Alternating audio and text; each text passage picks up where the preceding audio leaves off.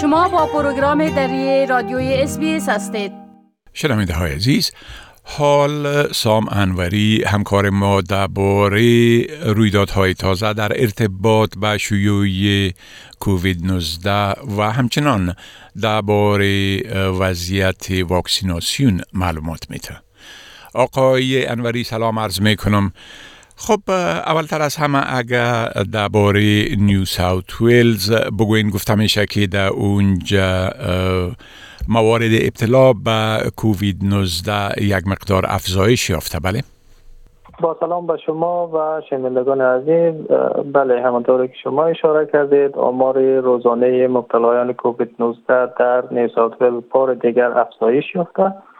در شبانه روز گذشته 13018 مورد ابتلا در ایالت شناسایی شدند که 4000 مورد بیشتر از آمار روز پیش می باشد همچنین طی شبانه روز گذشته پنج نفر از اثر ابتلا به این بیماری جان دادند بر بنیاد آمار وزارت صحت نیوزات در حال حاضر 1070 بیمار کرونا در شفاخانه های ایالت بستری هستند که از او جمله 43 نفرشان تحت مراقبت شدید قرار دارند.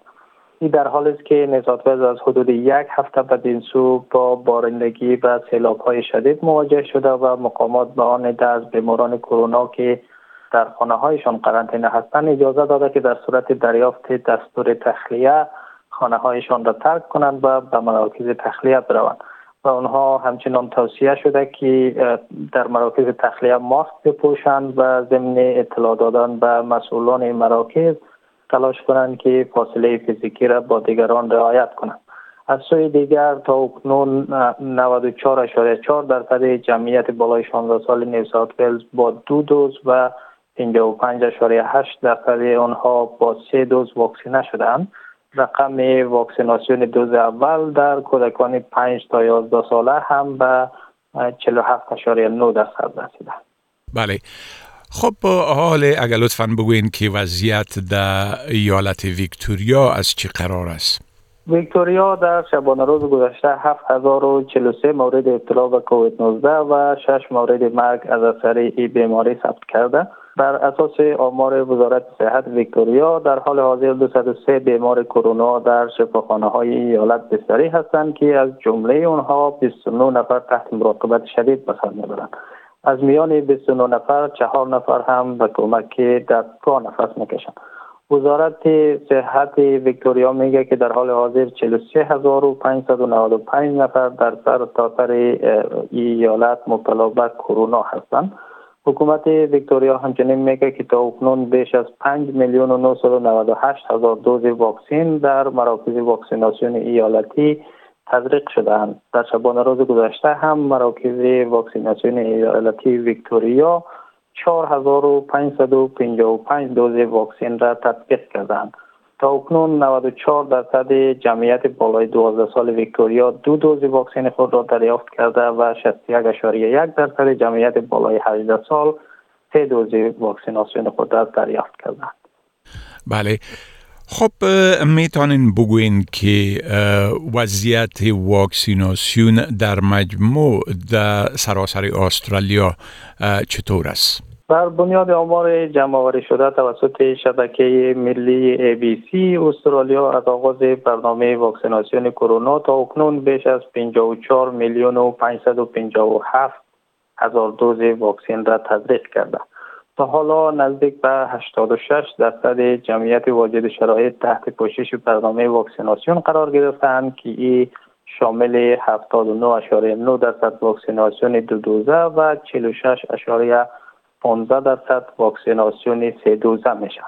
قلمرو پایتخت استرالیا با پوشش 93.2 درصدی در صدر فهرست ایالت ها و قلمروهای کشور قرار دارند و بعد از قلمرو پایتخت ایالت های تاسمانیا و استرالیای غربی در ردیف های بعدی قرار دارند قلمرو شمالی استرالیا با پوشش 80.3 درصدی و ایالت کوینزلند با پوشش 81.6 درصدی کمترین میزان واکسیناسیون را در سطح کشور دارند.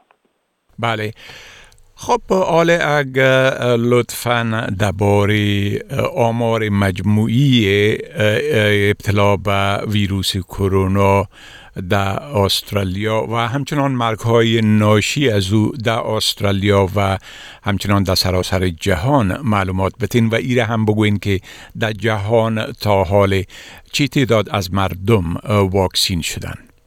بله آمار کلی مبتلایان کرونا در استرالیا از آغاز همگیری تا اکنون به بالای 3 میلیون و ده هزار نفر و شمار قربانیانش هم به بیش از 5416 نفر رسیده. آمار جهانی مبتلایان کرونا به بیش از 447 میلیون و 370 هزار نفر و شمار قربانیانش هم به بالای 6 میلیون و 6 هزار نفر رسیده.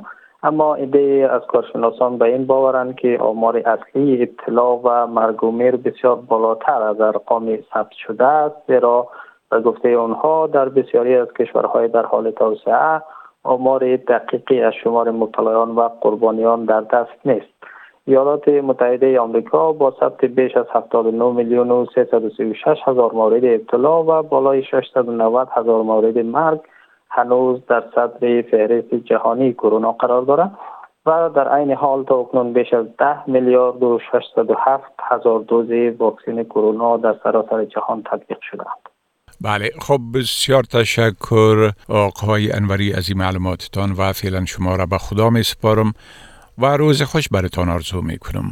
تشکر از شما خدا نگهدار. بپسندید شریک سازید و نظر دهید. اسپیس دری را در فیسبوک تعقیب کنید.